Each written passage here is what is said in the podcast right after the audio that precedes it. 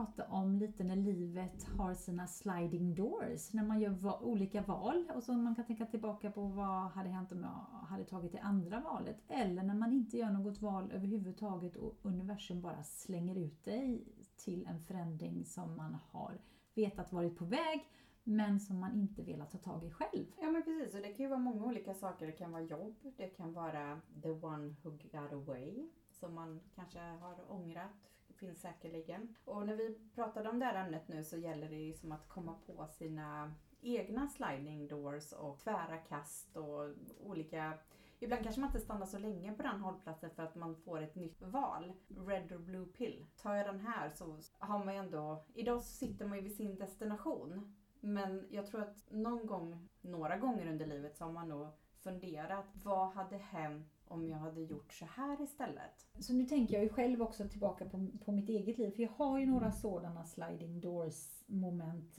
återigen som jag då har funderat över. Inte så att jag har ångrat att jag har liksom Nej, valt en, en, den vägen, utan bara nyfikenheten på vad hade hänt om jag faktiskt hade valt en annan väg i livet. Och då, när jag var i runt 20-årsåldern så var jag i USA som au pair i San Francisco och hade ju valet att stanna kvar. Och vad hade hänt om jag hade stannat kvar och inte åkt hem till exempel? Hur hade mitt liv sett ut idag och vilken väg hade jag valt att gå då? På den tiden var ju teatern väldigt stort för mig. Eh, och anledningen till att jag åkte hem det var för att jag kände att jag ville ha en en utbildning. Jag tänkte att ja, men det får jag säkert hemma i Sverige och kom in på universitetet och läste 40 poäng dramatik började jag med innan jag började söka olika scenskolor, både Stockholm, Göteborg och Malmö. Jag kom in, dock inte in, utan det blev ju mer så att jag eh, stöttade mina vänner och var mer som en eh, dramapedagog och jobbade sedermera också som dramapedagog på Göteborgs stad fast jag inte var utbildad till dramapedagog. Och var väldigt noga med att tala om att jag har inte den utbildningen men de ville gärna att jag skulle vara dramapedagog i alla fall, ringde in mig. Och det är också en sån här grej, tänk om jag hade stannat kvar i USA och eh, hade jag hamnat på Broadway? Ja, Vem vet liksom? Ja, det tror jag. Det tror jag att jag hade gjort. Jag, jag väljer att se det så. Ja. Det är klart att det hade hänt. Men nu står man här och gjorde det valet då och ändå fått... För du jobbar ju inte med det idag. Någonting måste ju ha hänt på vägen där. Så att kanske Broadway hade kanske kraschat, det hade kanske hänt någonting annat eller blivit supersuccessfull. Man vet ju inte det. Men just att det finns en möjlighet att kunna välja. Vad var det som gjorde att du inte fortsatte med eh, teater? Jag skulle bli vuxen. Jag hamnade i ett förhållande och så skulle jag kände att nej, men nu, nu är jag 25, nu ska jag bli vuxen. Så då, jag hade hår ner till midjan, det brukade vara en brudmodell också dessutom ibland. Eh, och då klippte jag av mig håret. Mm. Tänkte nej, men nu, nu ska vi skaffa ett riktigt jobb och inte hålla på med teatern och skådespeleri. Eh, därav slutade jag, men jag tror också att jag kom till en platå där, där jag kände att jag var antingen så får jag faktiskt satsa och bli professionell oavsett att komma in på scenskolan eller inte för det är inte enda vägen.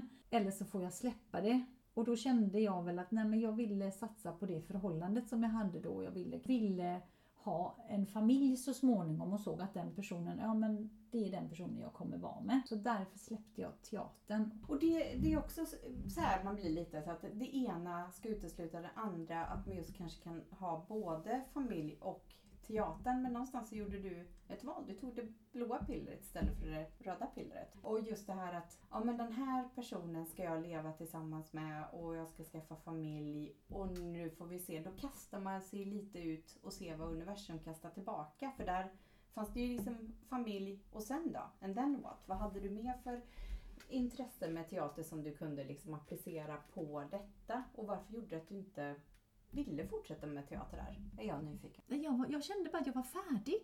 Ja, just på den hållplatsen där jag var. Och då, på den tiden så um, var jag med i en amatörteatergrupp och vi, vi turnerade i Sverige och vi hade en sån här, eh, ni kan tänka sig 70-talets gammal Volkswagen van som vi åkte omkring. Jag vet att vi var någonstans, ja, vi var någonstans ja. runt Vetlanda och jag höll på med barnteater och jag var fru Fjonkan skrämde livet på alla barn som vi kom till. i de här skolorna. Vanen gick i sönder på motorvägen och ljuset fungerade inte. Och det var så mycket saker som hände när man tänker så att jag är på fel plats. Idag kan jag tänka så att ja men det kanske var just det här teatersällskapet som jag var med. Mm. Där jag var på fel plats. Eller det Mm. kanske var, eh, om man tittar lite mer analyserat, det kanske inte var just teatern utan det kanske var personen jag hade träffat. Men Nej. inte. Nej. Men att man gör de här valen man vet att det är ett val som man gör. Sen efteråt så, så kan man känna i magen att vänta lite, jag kanske skulle tagit det andra men nej, nu valde jag här, den här vägen. Det finns inte någon återvändo, nu fortsätter jag här. Det är Mm. som att, jag kan berätta om ett annat jättestort val i mitt liv som var jättebetydelsefullt. Och det var ju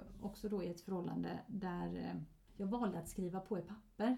Eh, vi ägde hus ihop eh, och vi skulle gifta oss och eh, så, så fick jag ett papper som jag skulle skriva på. Och det handlade om ekonomi naturligtvis och jag tänkte ju så här att ja, ja men varför ska jag skriva på det här pappret? Men Mm. det pratades så mycket, eller det tjatades väldigt mycket så för husfridens skull så tänkte jag att ja, jag skriver nog på det. Jag hade inte någon att prata med. Hade jag varit smart så hade jag ju liksom pratat med någon men det var inte aktuellt. Jag hade två små barn och så läste jag de här fem, sex meningarna och så tänkte jag att ja, men det här var ju inte så farligt. Eh, och så skrev jag på det pappret och jag kommer tydligt, tydligt ihåg att när jag, när jag hade skrivit på pappret så fick jag en, en sån klump i magen och jag blev illamående och jag kände hela min kropp kände att nu gjorde jag någonting som var fruktansvärt, fruktansvärt dum. Eh, dagen efter på morgonen när vi satt åt frukost så sa den här mannen till mig bara så du vet jag kommer aldrig gifta mig med dig. Och då var det, det var som en sån här check på känslan som jag hade Mm. kvällen innan då när jag hade skrivit på det här pappret. Ja, och då kände jag ja, jag gjorde någonting dumt. Jag vet bara inte riktigt vad jag gjorde och då var jag som en struts och stack huvudet i sanden och låtsades som ingenting. Men det ehm, visade ju sig några år senare när det var dags att separera så fick jag ju lämna hela mitt hem eh, efter 16 år, eller 16 och ett halvt och så fick jag ta med mig de, de kläderna höll jag på att säga, men de sakerna som jag hade, hade i 20-årsåldern de fick jag lov att ta. Och sen så fick jag ta mina kläder och så fick jag bara gå ifrån hela det livet. Så, Mm. så det var en sån här eh, sliding doors moment också. Ganska tungt men väldigt lärorikt. Eh, hela den resan som kom efter eh, känner jag idag nu skulle jag nog faktiskt inte vilja vara utan. Och det är tur att man inte alltid vet saker och ting vad som händer. Men det var ett sånt sliding doors moment också. Vad hade hänt om jag inte hade skrivit på det i pappret till exempel? Nu när jag har pratat om mig själv, kan du komma på några sådana här sliding doors? eh, Inte kanske sliding doors utan mer har lyssnat på magkänslan. Att verkligen den som du inte lyssnade på. Ja. Den har jag verkligen försökt att lyssna på hela mitt liv. Och eh, ja, men det, det som dök upp att flytta hemifrån till exempel och byta stad. Jag kommer ju från en mindre stad och eh, flyttade till Göteborg och det kändes så himla rätt. Allting var liksom superbra. Började liksom med, med jobb där, då hade jag liksom en annan relation och sambo och de här bitarna. Och fick liksom ja, men jobbet, flytten, ny stad och insåg att den här sambon vill jag ju inte ha längre. Vi är ju liksom bästa kompisar, jag vill ha liksom passion eller någonting annat. Man hade vuxit i det här beslutet men man ville kanske inte göra det själv. Så att jag var på rätt plats men det var lite fel environment kan man väl säga. Så eh, träffade jag då en annan man och eh, tog beslutet att lämna allt det här och flytta till en helt ny stad. För att det kändes så jäkla rätt i magen. Och mig med den här mannen, fick barn och ja, sen liksom fortsatte det. Det, det har varit det här att men, man hade någonting som var så bra och ändå kunde kasta bort det. Kan- Kanske fel uttryck men att det, det var rätt då och det kändes så jäkla rätt och det var precis det man behövde göra. Och det är nog lite de, att lita på magkänslan, starta ett företag, att ja men gud det här, men det här känns ju jätteläskigt men ändå att men det kan ju bli hur bra som helst. Och lite den här, vad är det värsta som kan hända? Eh, den frågan är ju ganska eh, bra att ställa och den, mitt, alla svar alltid genom åren har varit att jag kan dö. Det är det värsta. Nu har jag liksom släppt den här döds, att man ska dö. Det, det, visst, det är det värsta. Men det finns ju någonting som annat. Man kanske är rädd eller man kanske har andra farhågor. Eh, lojalitet eller respekt eller tillit. Att de är, det är nog det värsta som kan hända i den här situationen.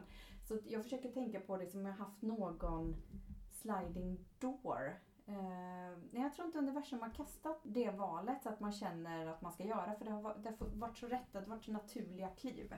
Så att jag har nog inte haft mitt sliding door Vad spännande. ännu. Nej, nej, men när du säger, nej, men det är spännande hur man, hur man väljer att titta på det också. Och när du pratar om det här då tänker jag ju på när du också, som jag sa i inledningen, när eh, universum kastar ut den ibland. Mm. När man är så rädd, man ser att saker och ting inte fel, eller ibland så ser man faktiskt inte. Utan man råkar ut för väldigt konstiga saker. Mm. Man kan bryta benet, man krockar, man får konstiga utslag, man känner att man kanske är deprimerad, man kan eh, ja, vara sjuk, gå till läkaren och säga men jag är sjuk, det är någonting som inte stämmer med mig. Men så Mm. förstår man inte att, det att man är kanske i ett sammanhang på jobbet eller att man är i en relation som egentligen skulle tagit slut för länge sedan som suger. Jag brukar säga det att hemmet är ju den tryggheten där du, du ska komma hem och känna det här är jag trygg, här vill jag vara, här är mysigt. Man ska tanka, känna sig Ja. grundad, respekt, tillit, älskad. Oavsett om man gör det själv eller med flera. Ja men precis. Och känner man inte det utan känner att åh nej jag ska gå hem, nej men vad jobbigt det blir, jag får ont i magen. Samma sak när man går till jobbet också vill jag säga. Om man har den känslan och, och saker och ting blir fel hela tiden och vad man än gör så blir det fel. Mm. Då är också en sån här tankeställare att men vänta lite, jag kanske är på fel plats. Och det som oftast brukar hända när det har gått väldigt lång tid, och nu pratar jag inte en månad utan jag Mm. pratar kanske ett, två, tre år. Så helt plötsligt så är det precis som att universum bara slänger ut den. Och i detta fall om man tittar på förhållanden och jag har ju sett i bekantskapskretsen och jag kan ju titta på mig själv också. Så har ju den andra parten antingen betett sig illa så att man själv har tagit steget och sagt nej men nu, nu får det vara bra. Eller så har den andra parten sagt nej men du jag har träffat en annan så hej då. Och så står man där. Samma sak med jobb. Man gnäller väldigt mycket på jobbet. Man tycker det är tråkigt, man är understimulerad. Och helt plötsligt så blir du uppsagd en dag. Och så förstår du ingenting och då blir du jättearg för att du blir uppsagd. Men du vill fortfarande inte ha det jobbet. Men det som händer är att du slängs ut och du väljer inte själv. Och där tycker jag ju att det är alltid lättare om jag gör ett val. Ja men det är ens eget val. Ja. Absolut, det är ju superlyxigt. Men ibland kanske man inte har de verktygen att ta beslutet. Så ibland kan det vara lite skönt att få en spark i röven. En liten push, en liten knuff eller vad det nu kan vara. Och jag, jag använder ju universum väldigt mycket och kastar upp mina frågor ut i, i det tomma intet och hoppas att någon ska svara på ett eller annat sätt. Det kan vara i siffror eller i fjärilar eller i hundskall eller synkroniciteter av olika slag. Och det, det är nog bara för att jag har den här magkänslan. Att man inte haft den här, jag har inte haft min sliding door. Jag är så nyfiken. Alltså jag bara känner, tänk om man hade gjort det här istället för det här. Eller just att man känner att nu väljer jag. Istället för att bara jag fortsätter på den här vägen. Det är ju en så stor skillnad. Vad ska jag välja? Blå pill, blue pill? Men jag tror att du har haft det, men du har bara inte tänkt på det sättet. För det är olika tankesätt som vi har. Ja, När, när vi väljer saker och ting. Mm. Att du kanske inte har sett Blue Pill, Red Pill eller jag som jag Mm. ser den här filmen Sliding Ja, Door så att tunnelbanan, tåget åker iväg och jag Mm. kliver inte på eller jag Mm. väljer att kliva på. Och, och det där är intressant hur man ser på saker och ting hur, och hur det blir sen liksom. Men har inte du haft en sån eh, händelse eh, Simona som har liksom varit en liten red flag varningsklocka grej med någon just med San Francisco?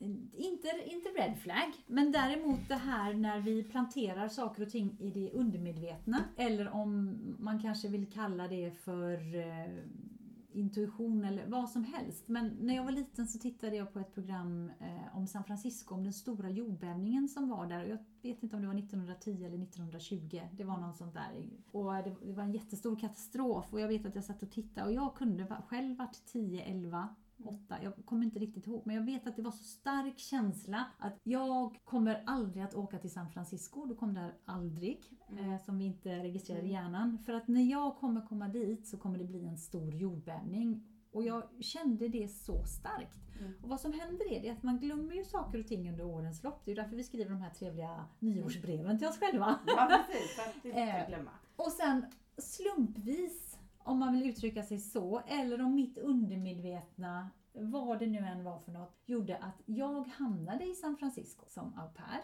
Eh, och då var det ett par eh, klasskompisar till mig som åkte iväg till familjer där och sen så ringde de mig och sa Simona vill du inte komma? Och på två veckor, jag skulle ju vara fotograf. Jag hade börjat jobba på en fotografateljé, kände väl att det kanske inte riktigt var jag, började fota och men så tänkte jag så här, ja San Francisco. Mm. Dit vill jag åka. Och kände verkligen så här, wow. Så, och så kom jag till San Francisco och så var jag där i en vecka.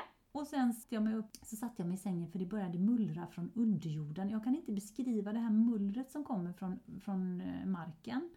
Och så börjar allting att skaka. Och henne som jag bodde ihop med, Elaine, eh, den här mamman då som passade hennes barn, hon bara sa, skrek ställ dig under dörrkarmen för det är det som är det mest fasta eller Mm. i, i huset. Så jag bara slängde mig upp och surfade. Verkligen surfade man.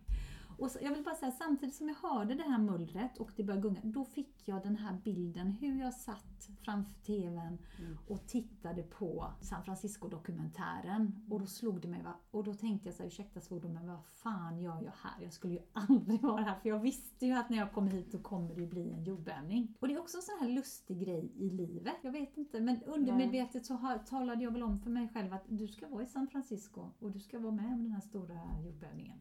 Och det var jag. Ja, men jag, jag tror lite på det här med att ja, det här med kanske sina föregående liv eller vissa väljer att tro på det, vissa inte. Men jag tror att man får lite lärdomar, lite läxor, lite upplevelser, igenkännande. Jag har ju alltid varit intresserad av Egypten. Alltid varit så fascinerad av det. Alltså pyramiderna, hur kom de dit? Vilka byggde? Det här är så, så många år sedan. Det är ett sånt fenomen. Och alla som ligger inbalsamerade där. Och eh, var på väg till Egypten. Men resan blev eh, avbokad i sista sekund för att de började springa turister och sådär. Åkte istället till eh, Miami. Verkligen kontrast. Det var typ den erbjudande resan där. Eh, sen dess har inte jag velat åka dit och någonstans så, så tror jag mig att jag har någonting med Egypten i mitt föregående liv. Att om jag har blivit dödad eller balsamerad eller mördad, vad som helst. Men någonting fascinerar mig så. Det känns som hemma. Det, jag, även om jag inte har varit där, man har sett bilder så har jag varit där någonstans. Så att vem vet, jag ska aldrig åka till Egypten. Någon dag kanske jag står där och då kanske någonting händer eller så får man världens aha moment att man känner sig hemma eller att man får sina spirit guides som berättar saker och ting för en. Kanske får världens aha-upplevelse där helt enkelt. Det kanske blir en sån eh, red pill där då kanske. Mm. Och det kan vara så. Ja, Jag tänkte säga att det är väl kanske meningen att du ska åka dit någon gång men det var inte meningen då. Nej. Eftersom det blev eh, avbokat som tur var då så Mm. att du inte hamnade i Och jag har sneglat förut men inte varit eh, lockad Nej. att åka dit igen. Men jag är så fascinerad av den hel, hela, alltså Egypt, eh, som har med det att göra. Mm. Jättefascinerad. Jag tänkte också nu när du pratade om tidigare liv. Jag kommer ihåg min pappa. Min pappa lever inte längre. Men han berättade en grej för mig som jag blev bara så här, va? Och då är det så att han hade en polsk eh, fru i många år. Eh, Och de åkte iväg till Polen och så skulle de träffa ett annat par. Och jag tror min pappa var väl, det var in, innan han blev, fick hjärnblödningen och han blev sjuk i Alzheimers, min pappa nämligen. Eh, så det var innan så att han måste väl ha varit runt 58-59. Och så åkte de till Polen och, och de hamnade i en by hos någon vän som de skulle hälsa på. Och då sa min pappa till mig, Simona när jag kom till den här byn så kände jag, men det här är hemma. Så jag började berätta att där borta ligger en sjö. Eh, och här borta ligger... Så jag gick fram till en grav så sa jag, men här är jag begraven. Mm. Och jag bara, så tänkte jag, en man på liksom 58-59 som, och, han, och han var fullt allvarlig och, och då hade han inte fått Alzheimers eller hjärnblödningen. Nej. Utan han, han bara sa Simona, det, det var en sån konstig Mm. känsla för jag Mm. visste, jag har bott här i den här byn och det var Mm. så starkt. Nu ryser jag här också. Ja. Och jag tänkte så bara, wow vad häftigt liksom. För många kallar ju det för déjà vu eller vad det kan vara. Men jag tror också att ju fler tidigare liv man har haft och hur man har levt och vad man har lärdomar. Att man litar på sin magkänsla, sin intuition, att man ska göra det här. Att man, man får den där gut-feelingen. Eh, att det här är bra, det här är mindre bra. Eller tjutet i öronen på olika sätt. Om det är dovt eller bra klang. Att man liksom uppmärksammar dem lite. För att jag tror att vi är så övervakade av våra, våra spirits. Övervaka kanske är ett hårt ord, men jag tror att vi är beskyddade. Eh, på det sättet att just att man tar de här besluten och ibland när man känner att skitsamma, jag vet inte vad jag ska göra. Ska jag, jag, ja, men jag åker på den här Mm. resan eller jag, jag går dit för att se lite vad som händer. Och att det oftast blir positivt i slutändan. Ja, och jag kan ju säga, jag tänker tillbaka här lite grann på, på min magkänsla. Jag har haft tre gånger i livet där jag har kunnat råka väldigt illa ut. Men där har jag verkligen lyssnat på magkänslan och då har det kommit en, jag kan inte beskriva det, men det har kommit en, en tung klump i magen och så en rädsla och, och bara liksom en känsla av att nej men det här jag ska gå en annan väg nu, eller jag, det här känns inte rätt, det är något som inte stämmer. Jag ska ta ett exempel så att ni förstår vad jag menar. Och det var också när jag, eh, första gången jag råkade ut för detta, det var när jag var kanske runt 13-14. Eh, och vi hade en slinga där jag bodde i skogen. Och så hade jag två vänner som var så himla sportiga. Jag var den här lite småmulliga som gillade sitta hemma och äta chips. Alltså få mig att springa, det var det värsta jag visste. Det, det fanns ju inte på den här planeten. Men de här två var jättehurtiga. Och så skulle vi upp till den här skogen i slingan. Eh, och så står vi där och pratar och så står det en man där och håller på och tränar. Och så säger de här tjejerna, men vi springer iväg. Vi springer och så säger jag så här, "Ah, ja men spring ni, jag kommer jogga och gå. För det är det värsta jag vet. Tänkte jag, så säger jag till dem att vi möts på ett ställe. Men så fick jag så här att nej, jag jag genar inte där jag sa att jag skulle gena för det var så obehagligt. Det var Mm. riktigt, riktigt obehagligt. Så vad jag gjorde var att jag gick tillbaka samma väg som jag kom. Och när jag kommer så att jag liksom kommer så att jag ser det här träningsstället där jag skulle ha kommit ut eh, ifrån skogen, då ser jag hur den här mannen står hukad bakom ett träd. Så vad jag gör, jag blir jätterädd för jag förstår ju att han väntar på mig där. Så jag backar in i skogen och tar en jätteomväg genom hela skogen och går, eh, går. Jag tror att jag halvsprang hela vägen hem. Jag kunde knappt andas när jag kom, jag var så dålig eh, form. Och de undrade ju, vad, vad tog du vägen Simona? Men jag var så skärrad och det är också de gångerna det här är också ett tecken, kan jag säga nu när jag faktiskt tänker efter, det är att mina händer börjar skaka. Jag börjar darra på och så vet jag inte varför jag börjar darra. Mm. Det är också en sån grej. Eh, Och jag har haft två sådana ögonblick till när livet har sagt till mig, eller nå- någonting har sagt till mig att eh, dit ska du inte gå eller det här ska du inte göra. Liksom. Och känt att nej, jag backar. Backa. Ja, Ja. precis. Jag tror att ju mer man tränar upp den, för jag tror att det är en träningssak, att man verkligen lyssnar. Känns det här rätt för mig? Känns det bra? Känns det OK? Sen behöver man ju inte ställa den frågan i varje situation. Men så fort du känner någonting som känns annorlunda i kroppen, ställ dig de här frågorna då. För att veta om man verkligen är på, på rätt tidpunkt och rätt plats. För jag menar, det är ju en ganska crazy world. Och det behöver inte bara vara elaka män som ska stå och huka Nej, sig. Utan inte. det kan vara vad som helst. Att det är fel tidpunkt här och nu. Gör det inte. Don't go there. Don't walk that line. Nej men precis, och samma sak är intuitionen när man känner, känner sig lätt i kroppen och att det bubblar lite som kolsyra brukar jag säga. Och det går väldigt fort. Ja, Och då är det oftast väldigt, väldigt rätt att man bara följer det. Man Mm. hinner inte tänka. nej. Och jätteytligt eh, exempel, det, det är som jag då, om jag ska gå och köpa någonting och jag håller på och provar, jag håller på mm, mm, eh, Eh, det blir alltid fel, jag använder det en gång. Däremot så kan jag titta på något på en galge och bara, oh, nej men vänta lite, jag tar den. Och så köper jag den och så kommer jag hem och så sitter den så smäcket och använder den hur mycket som helst. Ja men precis. Och det, det kan ju, man behöver inte bara använda det vid fara utan även vid positiva saker. Att man är lite uppmärksam på de här eh, grejerna. Eller man står i ett, ett val om man till exempel ska jag verkligen tacka ja till den här nya tjänsten när jag trivs så bra. Lönen är bättre, det är närmare till jobbet. Men det är någonting. För det ska ju lite kännas lite självklart. Och inte börjar man tveka då är det ju någonting som gör att man bromsar. Om man inte verkligen är en superambivalent person. De finns ju också som inte kan välja chipspåse eller vad det nu kan vara. Att, att det ska kännas lätt. Är det rätt är det lätt. Tycker jag är ganska bra att applicera på. Tack för att du har lyssnat på oss här idag och vi hoppas att du vill lyssna på nästa avsnitt. Vi tar jättegärna emot feedback, eh, frågor, funderingar, tankar från dig som har lyssnat och då får du jättegärna mejla till katrin och simona.gmail.com och följ oss jättegärna på Instagram under, Instagram under samma namn, Katrin och Simona. Pero